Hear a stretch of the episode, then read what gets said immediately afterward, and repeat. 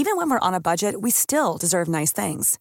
Quince is a place to scoop up stunning high-end goods for 50 to 80% less than similar brands. They have buttery soft cashmere sweaters starting at $50, luxurious Italian leather bags, and so much more.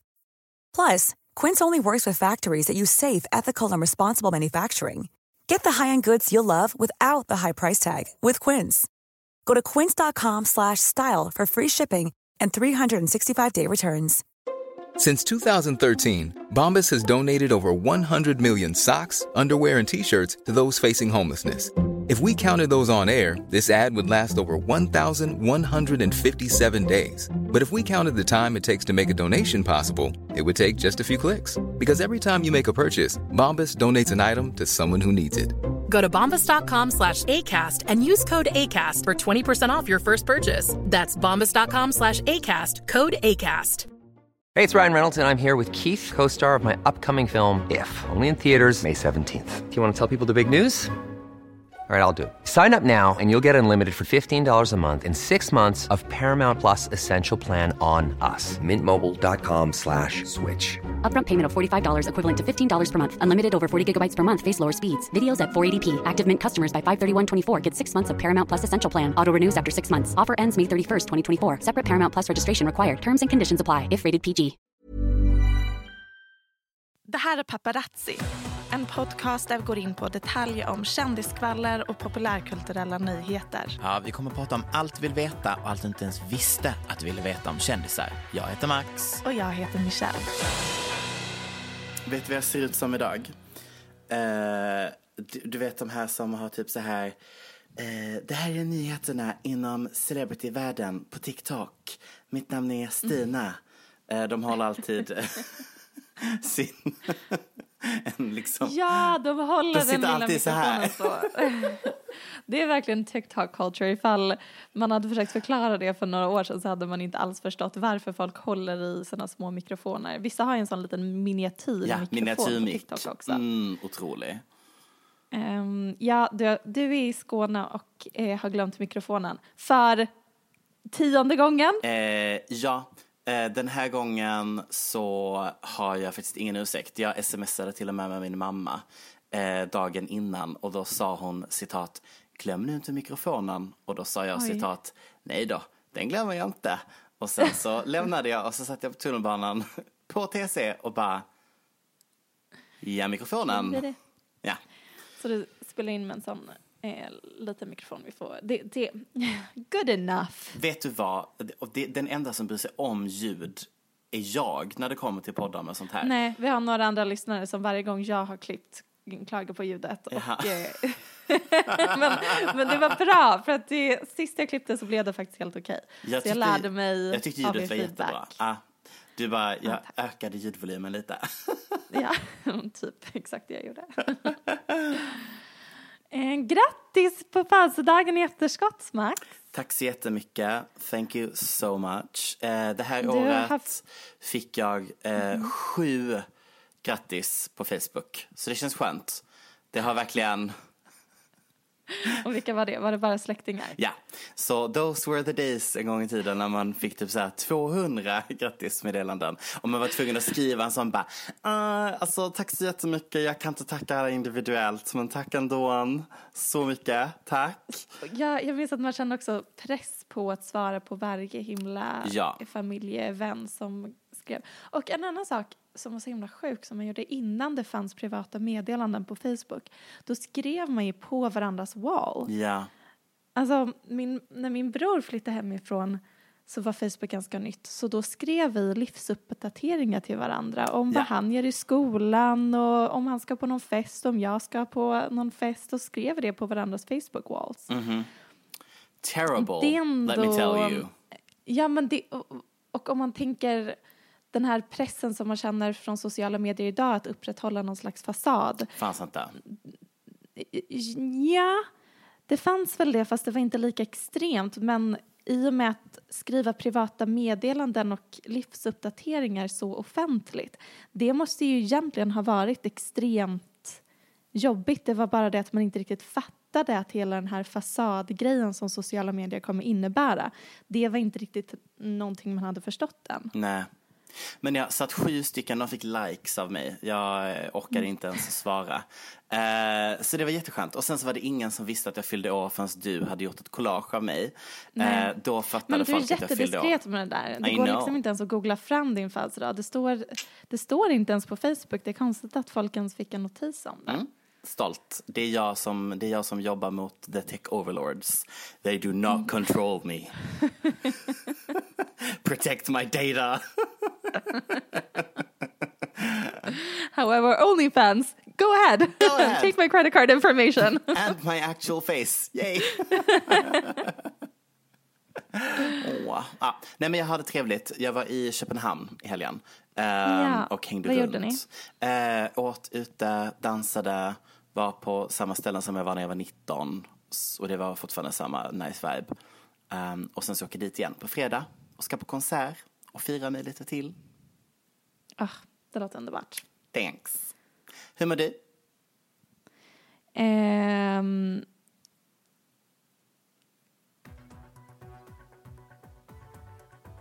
Great. Let's continue with the podcast.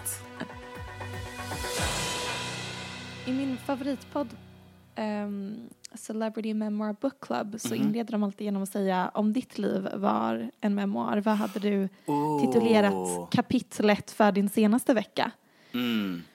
Eh, och det är ett så bra det är så bra sätt att liksom försöka sammanfatta sin senaste vecka. Men det är så svårt när det är typ um, vardag. Ja, måste det vara en celebrity memoir eller kan det bara vara en bok?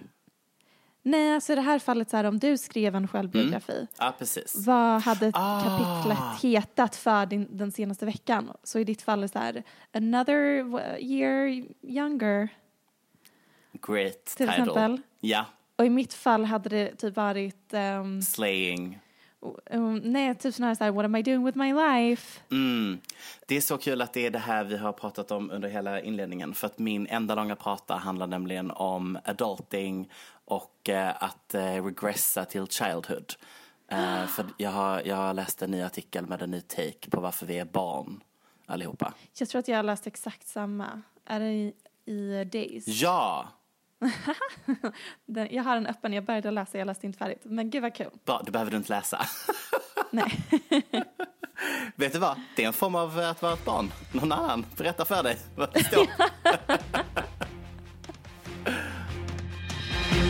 Jag kan inleda med att prata lite om La Roach som kanske egentligen har varit den största nyheten de senaste veckorna. Ja, kan du snälla reda ut detta för mig? Det kan jag sannoliken göra. Eh, det är då kanske den största kändisstylisten eh, i Hollywood just nu som framför allt är känd för att ha stylat Zendaya Ja. sen eh, hennes Disney Channel-tider. De träffades när hon var 14 år eh, och var en Disney-tjej och inte alls den stilikon som hon är idag och det har hon La Roach att tacka för.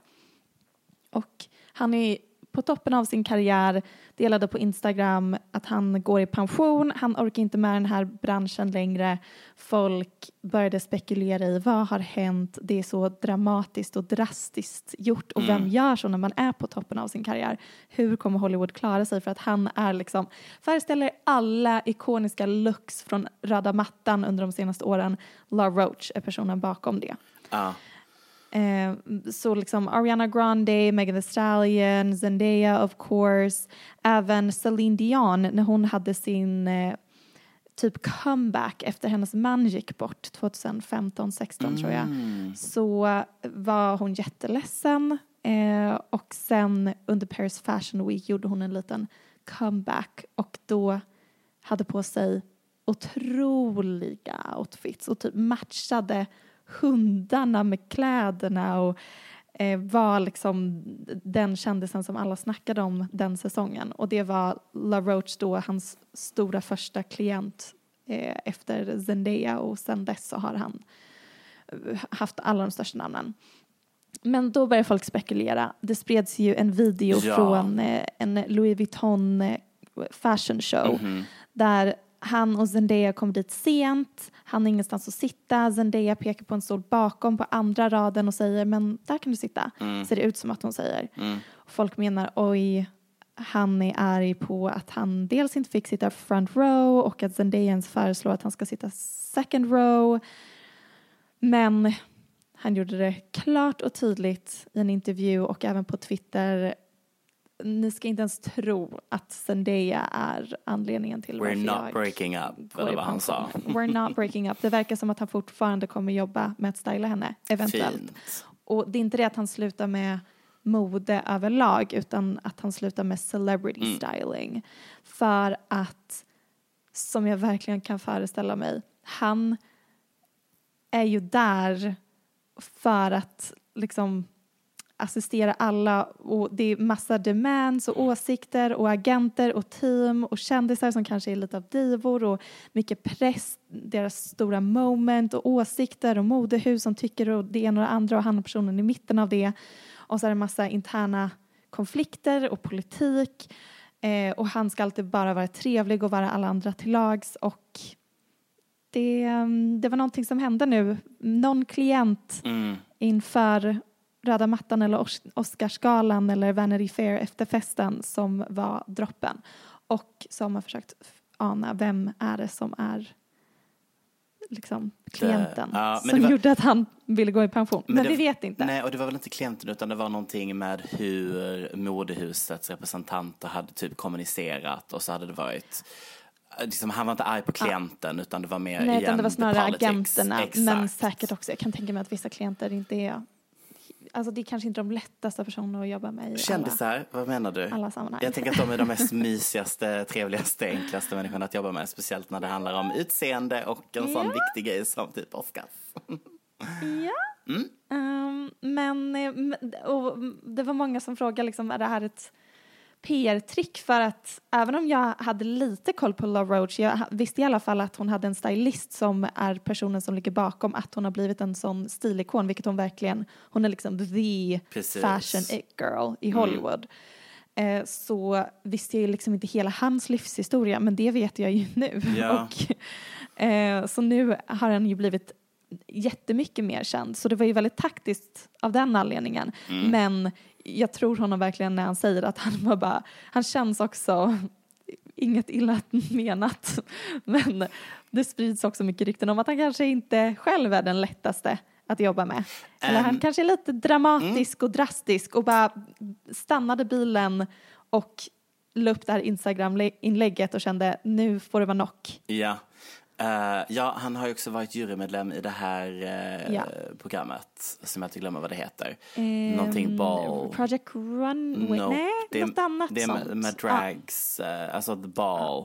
inte- där hon. J- Jamil Jamal, Jamil Jamal, Jamal. Ja, Jamal, ja. Ja, hon var med inte det där. sminkprogram? Nej, det var literally drag, dragball. I, I don't know. I, I don't know. Okej, Cool, cool, cool. Great, we will miss you. You will be missed. Ja, men det här är ju liksom inte slut för LaRoches karriär. Nej. kommer bara kanske inte jobba riktigt lika mycket med kändisar. Skönt. Jag vill bara, jag vill bara droppa en sak som hände i Hollywood nu här, den här veckan. Och jag, det, det här är verkligen så här, jag kommer inte säga någonting om det. Jag, I'm silent. Jag vill bara, jag, jag, vill, jag vill liksom bara, jag kommer säga meningen. Och sen så har jag sagt mitt. För då är det on the record, inskrivet i historieböckerna. Pedro Pascal, Bradley Cooper. Så. Så, läm så lämnar jag det där. Eh, Men vadå, de har setts på bilder tillsammans? ja, precis. Ja, Pedro Pascal har ju aldrig haft en, det är han som är med i, Last of us, the last of us. The- The Last of Us. Ja, mm. ehm, och han har ju aldrig haft en tjej offentligt. Nej, och det var ju, jag tror att jag försökte skohorna in ett bögrykte om honom för typ kanske två, tre avsnitt sen. Eh, and I'm doing it again. Eh, det kan vara att det är jag som manifesterar. Who knows? Om my own dream man. Eh, men, eh, nej men att han har så en lång, eh, lång, ga, inte lång Dick. vad säger man? Nej. Flustered. Eh, nej, alltså så här, sedan länge tillbaka en manlig bekantskap som han ofta eh, tar med sig på sina resor. Han är författare och han så här, dedikerar saker till Pedro Pascal. Och de eh, åker ofta till Paris tillsammans och där ses de gå, de bor på samma hotell och bla bla bla. Och han är bara en kär vän men han är också alltid med på många av pressresorna. Um, just putting it out there.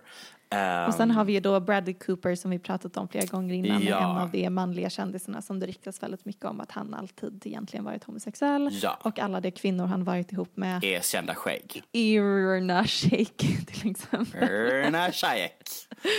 eh, är också känd för att eh, bli ihop med killar som skägg. Ja. Alltså eh, skådespela att hon är deras tjej. Vilket är kul att hon inte har dejtat Sean Mendes.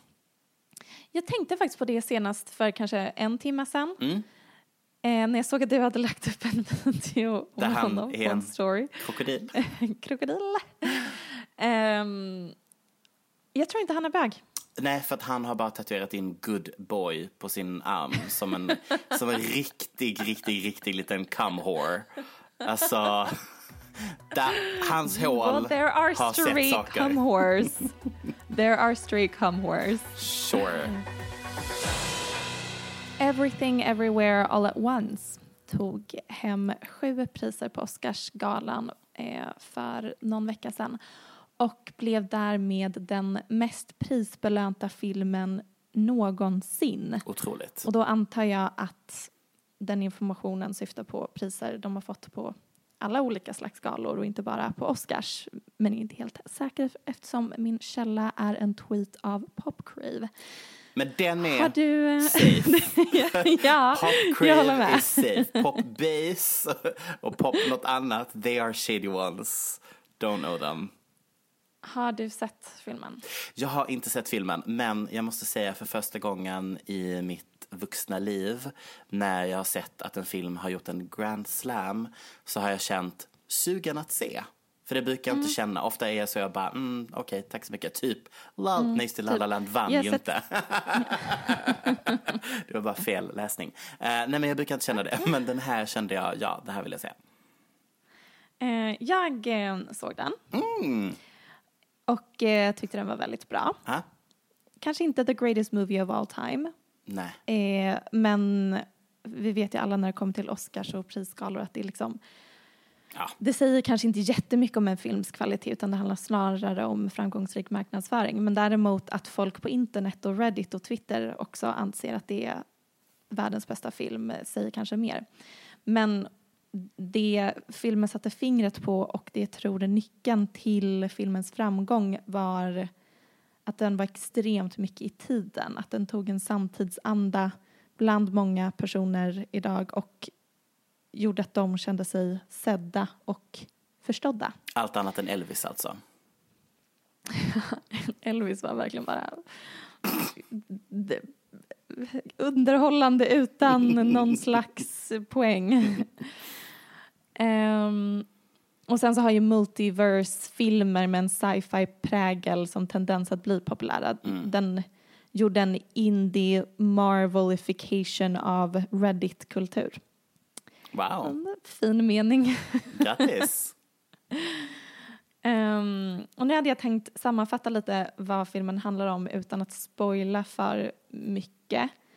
Men den kommer spoila lite, så jag ber så hemskt mycket om ursäkt nu Max. Okej. Men fördelen med filmen är att den liksom inte går att spoila för det går inte riktigt att förklara vad den handlar om. Det är det som är filmens USP och om jag skulle faktiskt förklara vad filmen handlar om då skulle vi behöva spela in i tre timmar. Det låter som en A24-produktion. Och just det, det är en A24-produktion. Uh, Okej, nu ehm, kommer mitt försök till att förklara. Det är då dottern Joy som ser livet från ett väldigt nihilistiskt och pessimistiskt perspektiv, mycket på grund av hennes föräldrar. Och mamman Evelyn som har projicerat sina egna misslyckanden och känslan av meningslöshet på sin dotter.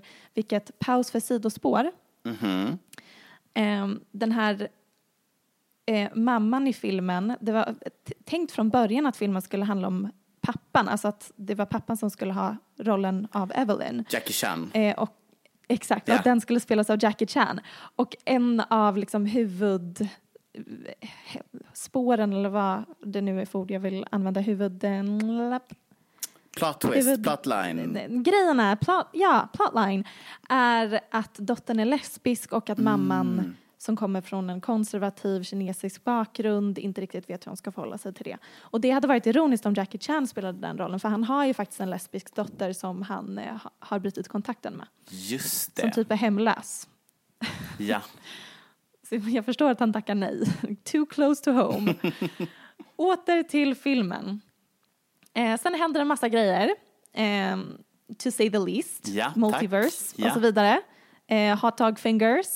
Eh, och mamman lyckas till slut inse och därmed hjälpa sin dotter att inse att även om livet är meningslöst så finns det fortfarande saker som är värda att leva för. Eh, och att det är viktigt att ha empati när vi alla kämpar oss igenom det här så kallade livet. Paus för applåd för den sämsta sammanfattningen av Everything Everywhere All At Once som någon någonsin hört. Det är ju väldigt många lager. Det handlar om intergenerational trauma och att växa upp i en invandrarfamilj och allt det innebär för hur man förhåller sig till livet.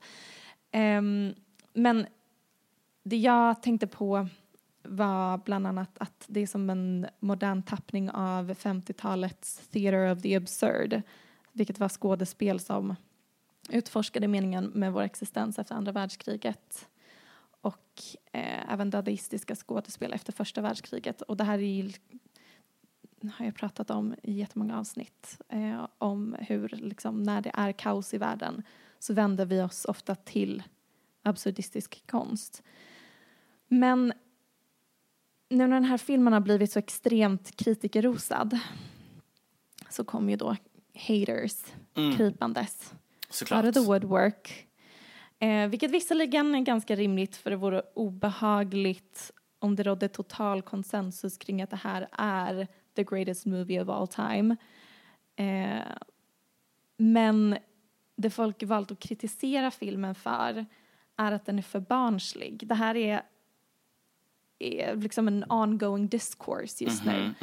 De tycker den är naiv, för optimistisk, den matar ås- åskådaren med ett tydligt budskap. Det här är några citat från eh, artiklar jag läst. It's a movie for Twitter activists made by people whose parents were immigrants. It's sentimental, somewhat fun if you're into fantasy, and not at all challenging to watch. It should be a comfort food. It's a cookie, soft in the middle but colorful. It wasn't a movie for adults. Um, Everything Everywhere All at Once is consciously life affirming to a dram- dramatic degree. It spoon feeds its message to the audience. Och eh, ja, att filmer som är livsbejakande ska undvikas som att de är liksom för naiva. Ehm, och det jag tänker, grejen med hela den här filmen är att den bygger på jättemycket filosofisk och existentiell teori. Skaparna av filmen har läst på. Ehm, och det, de har ju landat i en, en absurdistisk världsåskådning som kanske inte alla håller med om. Liksom alla är inte Camus absurdister utan de har snarare valt Vangutt som är en lite mer optimistisk syn på livets meningslöshet. Och det- jag, vet, jag tycker bara det blir så konstigt när man liksom, ja, det, den filosofin passar inte alla men det betyder inte att det är dåligt för det.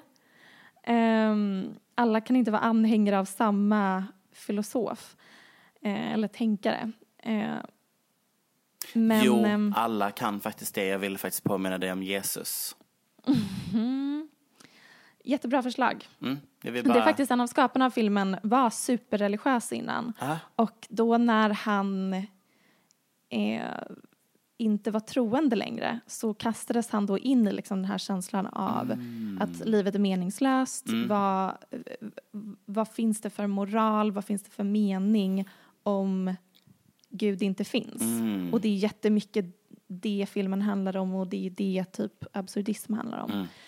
Ja, det känns snarare som att det, alltså alla kritiker av filmen som har den vinkeln väljer den bara för att om alla andra älskar den så är det här den enda highbrow contrarian åsikten man kan ha. Som en low hanging jag bara- fruit. Ja, jag, Mm. man, man behöver inte tycka att den är pantad bara för att den har a happy ending. Nej. Ehm, Och nej, också har den happy ending? Eh, ja, det kommer jag till. Och det är Ah. roligt att du redan nu är eh, hater Besviken. of happy endings. För nu kommer jag typ eh, hata på alla som hatar happy endings. Ah, vad kul. Men det är ironiskt för att mycket av kritiken grundar sig i idén om att filmer med lyckliga slut är naiva och mindre intellektuella. Eh, och det är ironiskt just för att hela filmens poäng, ett av de starkaste citaten, handlar just om att bara för att man väljer att se det goda i världen så är man inte naiv. Som en karaktär säger, When I choose to see the good side of things, I'm not being naive. It's a strategic and necessary ja, nu läste jag citatet lite fel. Um, it's how I learned to survive through everything. Eh, det, alltså, de, de kritiserar filmen för poängen som den försöker göra. Mm. Eh, eller poängen de försöker göra är liksom en direkt svar på kritiken den får. That didn't make sense. Men vi går vidare. Ehm, men det här är liksom en ståndpunkt överlag som jag tänkt på mycket på sistone. Ehm, att allt som är mörkt och destruktivt automatiskt anses vara mer intellektuellt. Mm. Det är lite konstigt faktiskt. Ja, ehm, för det eh, var ett tema bland några killar som jag träffade Mm. förra året. Ja. Eh, att jag anade att de tyckte att jag var blåst. Det var tre killar i rad. Och det kan ha att göra med att jag heter It's Britney Bitch på Instagram och har en podd som heter Paparazzi. Det är inte saker som klingar någonting som killar generellt har respekt för. Men jag tror också att det handlade om att jag, till ytan i alla fall, är väldigt positiv. Mm. Ehm, att jag liksom om, om någon tycker att någon annan är, gör bort sig säger jag typ men det är kul med folk som gör sin grej. Mm. ja. Ehm, och det kändes som att de tyckte jag var blåst just för att jag valde att se det positiva i saker. Medan jag tänker att det är så mycket enklare att vara arg och bitter. För det är ju typ säkert någon psykologisk teori att de facto så är det ett enklare förhållningssätt till saker som är jobbiga om man projicerar all sin ilska mot andra så måste man inte rannsaka sig själv och om man väljer att se glaset halvt tomt eller har låga förväntningar på alla andra så blir man aldrig besviken. Det är ett försvarsmekanism, man skyddar sig själv från sorg. Och så går massa män runt och lyssnar på andra arga deprimerade män och hyllar andra pessimister till skyarna för att de tror att det är intellektuellt överlägset. Medan jag menar att det är ju raka motsatsen. Alltså det är ju the easy way out. Att rädda sig själv från besvikelse är ju att vara pessimist. Eh, Incels. Så. Incels till exempel. Men avslutande ord. Mm. Min recension av filmen. Jag tyckte att Everything Everywhere All At Once var väldigt bra. Lite långa kampsportscener. Mm. Eh, jag kände även att jag saknade en sista stark replik i slutet som skulle vara lite mer utlösande. Jag ville gråta lite mer. Lite mer cathartic. Li- alltså det var någonting, jag bara, "Uff, jag är så nära att böla nu, men det, Mm. vi når inte riktigt dit. Just det, du kan gråta till filmer. Det kan jag verkligen, men inte Otroligt. så lätt. Det krävdes något mer för den här i alla fall. Mm. Eh, men oavsett vad jag tycker om feel good-slutet, om jag tycker att det var bra eller dåligt, så tyckte jag i alla fall att det var eh, mycket mer, ett mycket mer intellektuellt val än vad alla kritiker menar hade varit det mer intellektuella valet, vilket är att det hade slutat i pessimistisk nihilism. Mm. Jag eh, känner att jag behöver säga en unpopular opinion. Vad kan det vara? Jag tyckte det var uppfriskande att Gwyneth Paltrow var ärlig med sin ätstördhet. Mm. Ja, vet du vad? Jag kan faktiskt hålla med om det. Därför att det jag kände, för de som har eh, lyckats missa klippet, så är det ju att Gwyneth sitter i en podcast där hon ju såklart pratar om så mycket mer. Men det här lilla klippet är ju då att hon pratar om vad hon äter på en dag. Eh, fast hon har gjort sådana här flera gånger innan. Jag är, en, mm. jag är ju en person som följer Gwyneth när det gäller eh, olika eh, tips och tricks grejer i, i, omgångar. Jag är ju en fellow eating disorder gal. Um, men då har jag liksom, det pendlar liksom från att hon är stolt över att hon äter pommes konstant. Att hon liksom så här, verkligen mm. beställer pommes, åker till ett visst ställe där det är en viss typ av pommes, bla bla bla. Och sen så älskar hon kött och sen älskar hon bla bla bla. Men i det här klippet i alla fall så säger hon att hon vaknar på morgonen, dricker kaffe, Eh, mm. Och försöka att inte äta någonting förrän klockan 12 på Exakt, dagen. och då älskar hon att hälla i sig bone broth. Eh, mm. eller, typ, eller typ soppa. Mm. Eh, och sen så tycker hon att det är så skönt för då har hon laddat upp inför sin intermittent fasting som hon tydligen går in i då. Vilket också bara, oh, nu blir det jättekonstigt här. För då har du först fastat och sen har du, okej okay, så du svälter bara dig Ja okej okay, absolut. Och sen så kan hon typ kanske äta någonting på kvällen. Um, och ja, jag, paleo diet which ja. is just a, lot of vegetables Exakt. basically. Um. Och, jag och då tänkte jag först, jag bara, ah, jo det där lät ju inte så, så stabilt eh, för henne liksom. Men jag pallade typ inte bry mig. Men jag tyckte det var skönt att hon var så öppen med det. Och det som blev konstigt för mig var the backlash som blev att hon sen kände sig tvungen att typ så här what you guys heard was me talking with my doctors about like what worked for me. Och sen så var det bara liksom en raljerande tre dygn då hon bara så här visade matbilder på Instagram och bara see I eat. Och det var fortfarande bara typ så här grönsaker på en platter. um, men det är så härligt att ha det versus Ozempic situationen. Det var det jag kände. Eller det versus Belle Hadid som pratar om att hon äter pizza varje dag. You're not eh. eating hamburgers and pizzas babes. You're, Nej, you're, you're då vill man hellre not. faktiskt höra att just det, du dricker ju verkligen bara eh, buljong och ja. äter grönsaker. Det, det är få kändisar som faktiskt erkänner att de är ätstörda även om de kanske inte har det själva. Exakt. Att det är ätstört. Ja. Men den kritiken som ändå tycker är legitim är ju att folk, alltså hon bygger ett varumärke på att vara hälsosam, ja.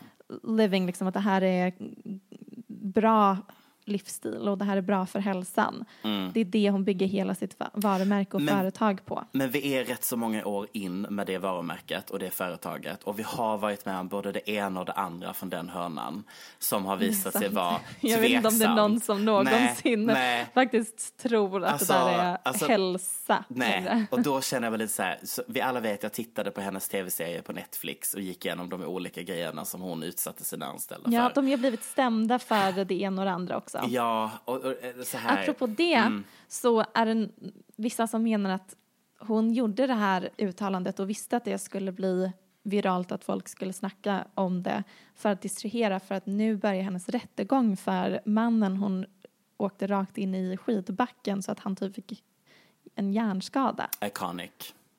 Det är idag, um, tror jag. Hon menar att hans anklagelser är bullshit. Ja. Men jag tänker att det är ganska svårt att fejka ja. eh, om man har faktiskt bevis eller har varit på sjukhuset. Ja, att man är skadad. Ja, mm. men kanske svårt att, att, bevisa att det faktiskt var hon. Det kan ju ha varit mm. någon annan. Jag tänker också om hon bara dricker jag skulle precis säga, hur, hur tung sy, kan hon vara? Men jag tänkte säga om hon bara druckit buljong så vet jag inte riktigt hur skarp synen är i backen. Nej, nej, okej. Dels det, men också om, om jag får välja en person i hela världen som skulle köra in i mig i skidbacken hade jag ju valt någon som väger 30 kilo. ja. Jag har alltså då inte kolläst detta, så bear with me. Spännande. Jag har ju fyllt år Michelle. kul grej fortfarande såklart, för jag fyllde inte 30. Um, även om jag vågar påstå att mitt rakade huvud kan tolkas som en 30-årskris. Men du får inte kalla det där ett rakat Max. Okej, okay, kort. That's appropriating ja. rakat huvud culture. Okej, okay, well. Du, det där är bara en helt vanlig killfrisyr. Mm.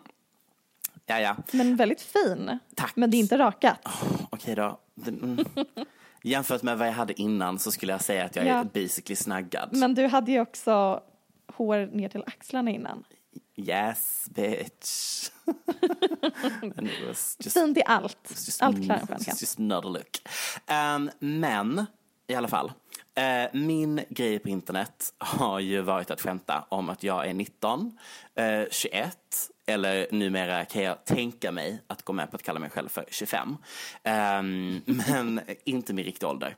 Och detta är ju inte en unik USP direkt. Det här är ju basically alla som är millennials, yngre millennials får vi väl säga, uh, som hänger på internet. De är ju besatta av att inte vara sin riktiga ålder och att låtsas vara barn. Eller liksom inte barn per se, men lajva lite av någon slags barnslighet. Eh, det ja, engelska i alla fall visa att de är unga. Ja, nej, men det engelska uttrycket är så här adolescency. Och det är lite svårt mm. att säga på svenska tyckte jag. Uh, så att jag kommer bara kalla det för barnslighet. Men ni fattar vad jag menar. Jag menar inte att man så här, uh, kastar soppa på, på, på väggar. Det är inte den Sånt typen av barnslighet. Ja. I alla fall, vi här i den här podden har ju tagit upp tidigare och skrattat åt till exempel Disney Gays och Disneyvuxna. Mm -hmm. um, jag har ett ex som skrev vilket Harry Potter-hus han tillhörde på Grindr. Um, och sen får vi inte glömma the influx av TikToks den senaste kanske månaden som bara har varit om att våra hjärnor är minsann inte vuxna förrän vi är 25. Vilket ju är bullshit. Det är ju en myt. Jag vet inte var den kommer ifrån. I mean, den... Det kommer ju från att hjärnan är färdigutvecklad när man fyller 25. Ja. Innan dess så har den inte växt färdigt än och konsekvenstänket har inte växt färdigt än. Men jag tror att för min del så hände det när jag var 27. Okay. Min hjärna växte färdigt två år för sent. Okej, okay. eh, fortfarande en vuxen, vill bara inflika. Eh, ja. Med eller utan frontalloben som är färdigutvecklad. Igen, tveksamt. Men i alla fall. Vi du, du tvekar, du säger neurologerna, jag är inte helt säker. Det är exakt vad jag säger, vet vad jag är? Faktaresistent. Uh, vi är i alla fall alla fast i något slags barnstadie, det var det jag ville komma till. Uh, och alltid när vi pratar om det, både här och typ när personer ska analysera fenomenet, så är det ju alltid att man säger typ åh, man saknar barndomen för då var allt tryggt och nu, nu blåser det en stark vind av otrygghet och ekonomisk kris och bla bla bla bla bla bla. Uh, Eh, men samtidigt så finns det också alltid en annan hörna som säger att man går tillbaka till barndomhet eller barnaktighet för att man har trauma som barn. Eh, och nu vill man då leva ut sin barndom. Det är typ de två eh, anledningarna vi brukar ha. Eh, mitt trauma är då att jag inte fick Harry Potter-slottet eh, och därför skulle jag då nu då gå och köpa, nej jag vet att det inte är det de menar med trauma, jag ser ditt ansikte Michelle. Just let me run with it, okej?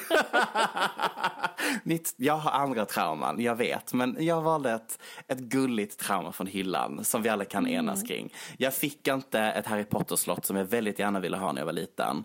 Och i vuxen ålder så skulle jag då gå och köpa lego och sitta och bygga för att nu har jag adult money att sitta och leka med leksaker. Det var inte det jag ville prata om egentligen, så att eh, vi fortsätter. Um, vad försöker jag komma här då? Jo, men såklart, lagom till att jag klickar publicera på min Max fyller 19, inom parentes igen, festinbjudan. Jag ska i Stockholm, inte Stockholm, i Köpenhamn eh, nu till helgen. Tänkte precis säga mm. varför inte jag bjuden Nej. om det är i Stockholm. Eh, I Köpenhamn så möts jag av en artikel i Dazed Everyone Needs to Grow Up av James Gregg. Han skriver We are a generation of adult babies. It's there in the notion that people with ADHD can't text back their friends because they lack object permanence, a skill that babies develop at eight months old. It's there in the narrative that because gay people didn't experience a normal childhood, they're living out a second adolescence in their 20s and 30s. Och så vidare och så vidare och så vidare. Och detta är någonting som jag ändå har tänkt på den senaste tiden. Att det känns liksom lite, det kan omöjligt bara vara så att vi alla kollektivt är lite oroliga just nu och därför regressar till barndomen samtidigt. Men inte bara det, jag tycker typ att det här börjar kännas lite osexigt. Eller så här, sure, du är dålig på kommunikation, men du är också 35 år. Like, get a grip. Varför är vi plötsligt så, ah, ja men gud vad töntigt att bli vuxen och ha ansvar. Meningen adulting, eller ordet kanske vi ska säga, um, som bara jag känner kom från en hörna och har tagit över typ allting. Så här, skriver en status om att jag ska betala mina räkningar, 'cause I'm adulting. Uh, ja, för att du inte är 12 år gammal, ditt lilla tapp. Och detta är ju verkligen, ja, jag pratar om mig själv. Så att jag, Spare the jag comments. betalar inte fortfarande din mamma dina räkningar? Nej, nej, jag betalar faktiskt mina räkningar själv. Ehm, Stort. men jag får fortfarande hjälp hur man tvättar, because I still don't understand how, how that works. In my defense, tvättmaskiner utvecklas snabbare än den mänskliga hjärnan. Ehm, Va? ja, alla, va? don't Alla quote me on that. Tvättmaskinen håller i flera år. Vad pratar du om? Ingen köper så här en ny tvättmaskin varje år. Nej, men i alla fall, jag kan inte hjälpa att jag inte är bra på sådana. Så, ah, Jag är dålig på adulting, men i alla fall. Så, i den här eh, artikeln så intervjuar han en psykolog och nu har du ju eh, läst, jag vet inte hur långt du har läst den här artikeln. Ehm, Första halvan. Gissa vilken psykolog det är han kommer, eh, gissa vad det är psykologen refererar till som, förkla- som en förklaring till detta. Ehm, anknytning. Freud såklart. Uh, Surprise, surprise. Ehm, men jag gillar den här förklaringen. From a psychoanalytic perspective, self-infantilization, alltså det du och jag ofta håller på med, eh, makes uncannily good sense. It is a kind of identification with one's own powerlessness and so gives it a veneer of active choice.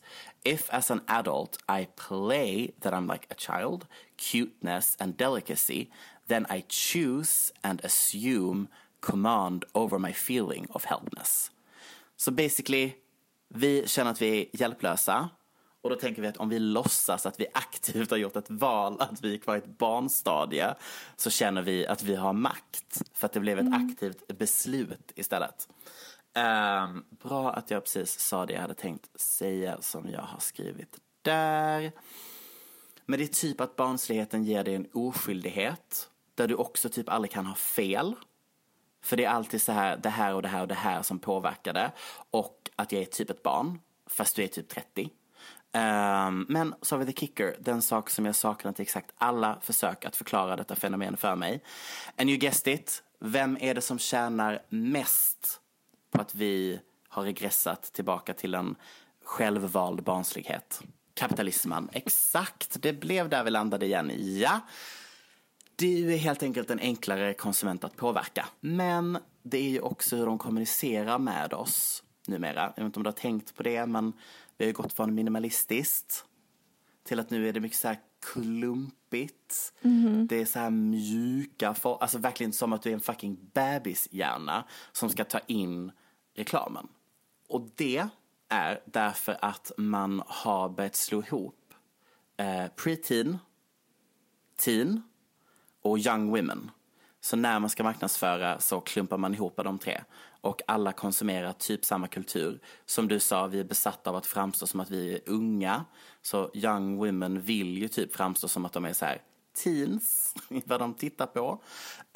Um, och då är det samma produkter som marknadsförs mot alla tre tidigare kategorier.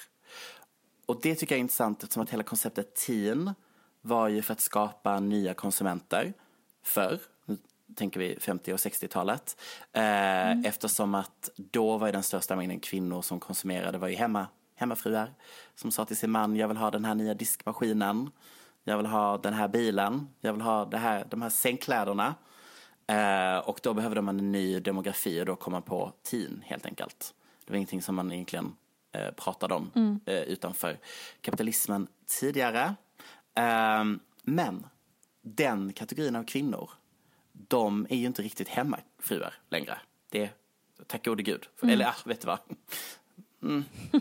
Honestly, if I was a woman, woman, women, woman, I would probably want to be a housewife. Just, just yeah. Same. Anyways. Uh, Ballerina Farm, I'm just saying. Att du, att du nämnde det så att mina algoritmer plockade upp det. Shame on you, Michelle. Shame on you. Varsågod. Ah, jag mår så dåligt och så bra samtidigt. Det är verkligen konstig känsla i kroppen när man tittar.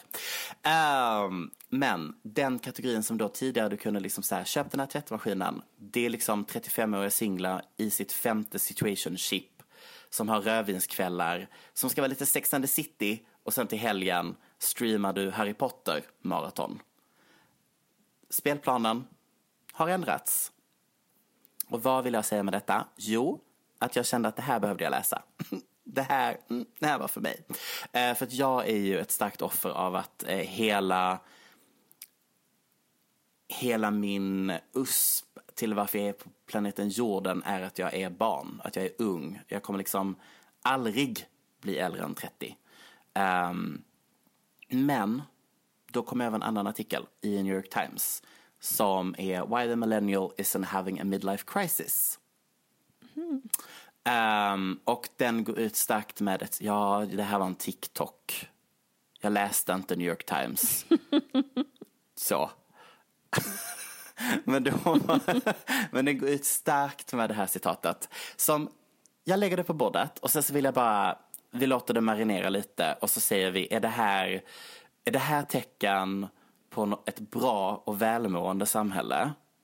Eller blir man lite orolig? Slash, har det alltid varit så här, bara det att våra tidiga generationer inte kunde prata om, alltså att man var för upptagen med sitt liv för att inte ens fatta sådana här djupa analyser som den här mannen levererar i sitt citat. Citat.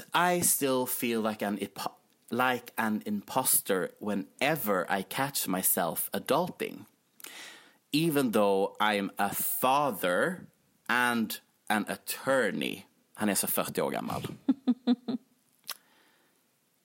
Mm. Personligen så kommer jag kanske ändå, det hade varit roligt att landa i, haha, världen är åt helvete. Det hade varit lite kul, spetsigt. Men det är ju troligtvis så att vi inte har haft, ehm, alltså typ ekonomisk möjlighet, eh, alltså trygghet i livet. Exakt. Att kunna Exakt. sitta och fundera över sådana här saker. För jag tänker, hade den här attorneyn, 39 år gammal, varit en pappa 1962 så hade han liksom varit, alltså hela, hela deras existens hade liksom hängt på att han tog sig till jobbet och kom hem. Eh, jag vet inte om han hade haft tid att fundera på att han var en imposter. Eller att när han satte sig i sin bil så var han adulting. Utan jag tror att han var, det var liksom livet. Ja, eller ehm, det, det fanns väl tid för, för tidigare generationer att tänka Mm. eh, och reflektera över sin roll och hur man förhåller sig till andra saker. Men ehm, det är också ett tecken på eh, liksom intellektuell och emotionell mognad Mm. någonstans att faktiskt tänka på hur världen är uppbyggd och vad vi spelar för roll och hur vi interagerar med varandra och vad det är att vara vuxen och alla strukturer som bygger upp den här vuxna världen. Så det är också ett tecken på mognad som jag ändå tycker att yngre generationer har, som äldre generationer kanske inte hade det metaperspektivet och därav att de kunde liksom vara me- mer i sin roll för att de ifrågasatte inte lika mycket på samma sätt. Nej, precis. Nej, och det som den här artikeln landar i, eller den driver ju tesen att det som normalt utlöser midlife crisis, alltså definitionen midlife crisis är då att du, ja, du kanske är lite otrogen, eh, du kanske börjar röka, du kanske oh, eh, tar ett litet hål i örat för att vara lite edgy. Alltså det finns ju olika grader i helvetet, men att du gör någonting för att du basically är trött på the mundane life som är liksom adulting basically. Villa, barn, Volvo, krav, jada jada jada. Eh, och då så menar den här artikeln som såklart är 180 000 procent baserad på och vänd mot Amerika att eftersom att eh, det rent ekonomiskt inte finns utrymme till en midlife crisis, eftersom att millennials i allt högre grad inte äger sitt egna hem, eh, inte exakt. har trygga anställningar, eh, har de barn så går mycket av deras in, liksom, inkomst till att betala den förskolan och så vidare och så vidare. Och så vidare. Sen så lägger de även en liten food for thoughts. Det kanske bara är att vi måste omvärdera vad en midlife crisis är. Därför att om du då kommer upp i den här åldern, vi säger att du kanske har eh, en trygg anställning först när du är 40-50. Den andra typen av midlife crisis du går igenom är kanske just att man eh, landar i insikten att man inte kommer ha någon stabilitet. Och hur, vad gör det med ditt liv när du liksom är 35-40? Att du kommer kanske inte få den här fantastiska livet som du var lovad när du pluggade på universitet och det blir inte guld och gröna skogar. Vad gör det med dig och vilken typ av midlife crisis kan det bli? That's probably my midlife crisis, knocking on the door. I don't know about you. Men det är väl allas, alltså det är väl det som är grejen att man kan inte riktigt jämföra generationerna eller eh, lägga nödvändigtvis skulden på oss utan det är ju att vi har fötts in i helt olika världar med helt Mm. olika förutsättningar där man har kunnat skapa sig trygghet så mycket tidigare. Ja. Eh, så man har liksom eh, fysisk trygghet tidigare, äldre generationer, medan yngre generationer har också Alltså, vi ägnar oss åt doomscrolling, vi har tillgång till information, vi eh, bearbetar och tänker på samhället och sätter in saker i större perspektiv, vilket leder till också att vi kanske jobbar mer med oss själva och vår psykiska ohälsa. Mm. Eh, medans äldre generationer la locket på, men det kanske också är mer effektivt medan vi sitter och liksom ältar Mm. eh, vår barndom på ett annat sätt. Mm. Eh, som det finns fördelar och nackdelar med båda, men nackdelen för vår generation är att vi vi har liksom inte så många alternativ. Det är liksom, Det är inte så många, eh, så många vad säger man, väg, vägskäl. Det är väldigt Nej, mycket en utan- motorväg åt ett håll, så att säga. Med väldigt, Ja, och- väldigt få avfarter. Och he, hela världen blir ju... Alltså hu- hur nyhetsrapportering dummas ner till sensationsjournalistik. Eh, politisk debatt blir dogmatisk. Att liksom se saker som svartvit är ju ett väldigt barnsligt förhållningssätt till problemlösning och människans komplexitet. Hela cancelkulturen är ju väldigt Mm.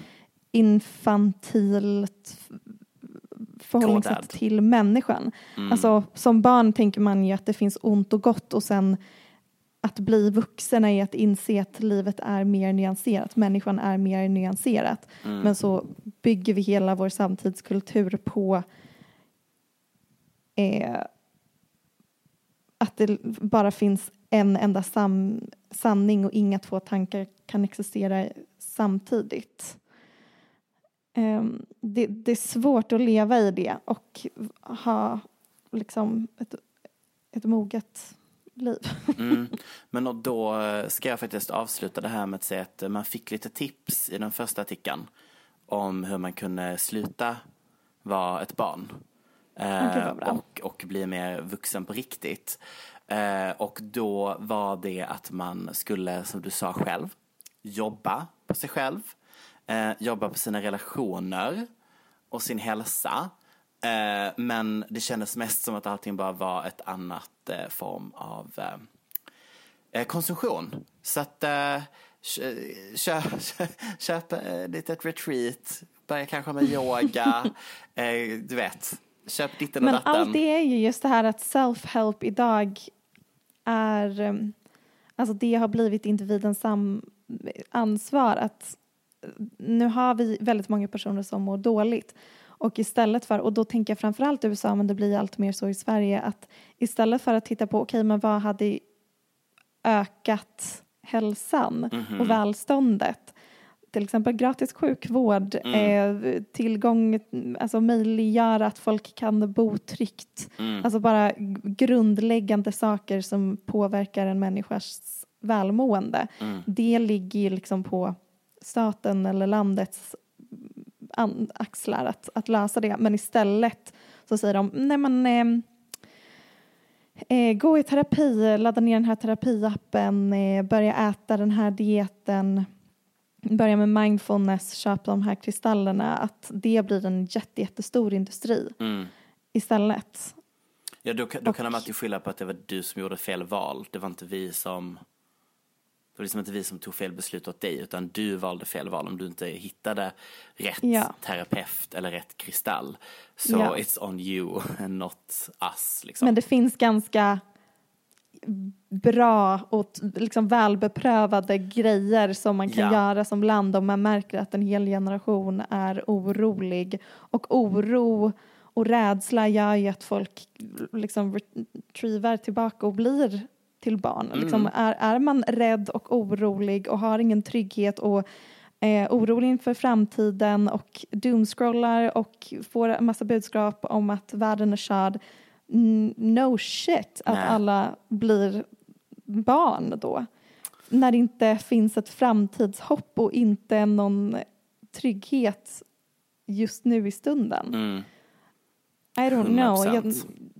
jag, jag, ehm, det känns som att det finns bra lösningar på det där men det är inte så många som Hitta Gör dem. det. Nej. Tror du att TikTok kommer förbjudas i USA? Ge mig ett ärligt svar. Tre, två, ett. eh, nej. Tack. Det var ju snack om det innan. Ja, och nu är det snack om det igen. Och då har jag ju mötts av nyheten att det tydligen Basically så är det bara en skrivelse som inte ens är inlämnad ännu. Eh, om att de vill försöka få igenom det. Men sättet som det har kommunicerats om i nyhetsmedia i USA mestadels eh, är att det liksom ger narrativet av att det redan har skett. Och då hävdar folk på TikTok att det är ett sätt av liksom meta. Att eh, få folk att tro att någonting redan har hänt och att de därför inte kan påverka det. Versus att de aktiverar sig, engagerar sig och hör av sig till sina olika, jag vet inte hur, hur systemet fungerar i Amerika. Men man kan tydligen ringa till sina elect electorals och säga, gör inte så här. Men Ehm. varför ska det bannas i USA? Därför att det är farligt att Kina samlar data. Det använder de bara som ursäkt. Skratt. Det handlar om att de inte tjänar pengar och Meta som är ett amerikanskt Ja. företag vill ha kvar makten. Det handlar om att Meta tror att om vi bara förbjuder TikTok så kommer alla hoppa tillbaka till Instagram och använda reels. And let me tell you, they will not because it's a shitty platform. Men när Trump var president, saknar, Mm. då var det ju snack om exakt samma sak. Men då löste han det ju bara genom att låta en av hans kompisar få bli delägare i, i. TikTok. Ja. Så det är väl bara det att USA kommer få större andelar Ja, på något vis. troligtvis. Eller? Det, det är min lösning till Mm, dem. det är en otrolig lösning. Eh, men, och då var det någon som bara så här, det är därför att de är rädda för att det här är enda sättet som Amerika har ett fritt ord, TikTok. And I don't know, I'm a bit like, you know what? It's a cute app, but don't, don't read in too much to it, you guys. Det är också, um, isn't this what you guys wanted? Right. Ni, ni ville väl ha konkurrens? Det är väl det som gör att utvecklingen går framåt. Visst. Ni kommer på en app, den är nice i några år, någon annan kommer på något bättre, sen kanske någon annan kommer på något bättre. Och så går du i konkurs och så vinner den andra företaget. Det That's how it fri works. marknad. You guys invented You this. guys love that, so maybe you should So- practice it. What's the problem? Jag vet att bankerna också... Är det Ekonomistapodden nu? och Ekonomistapodden, eh, om jag var the host, hade Mm. låtit så här. Eh, Det är något med bankerna va? Ja. Eh, går inte så bra. Nej, uff, de kraschar. Ja, Mm. typiskt. Hatar när det händer. Um, ska vi säga så? Det gör vi. Tack för veckans avsnitt. Tack för veckans avsnitt. Puss, puss. Puss.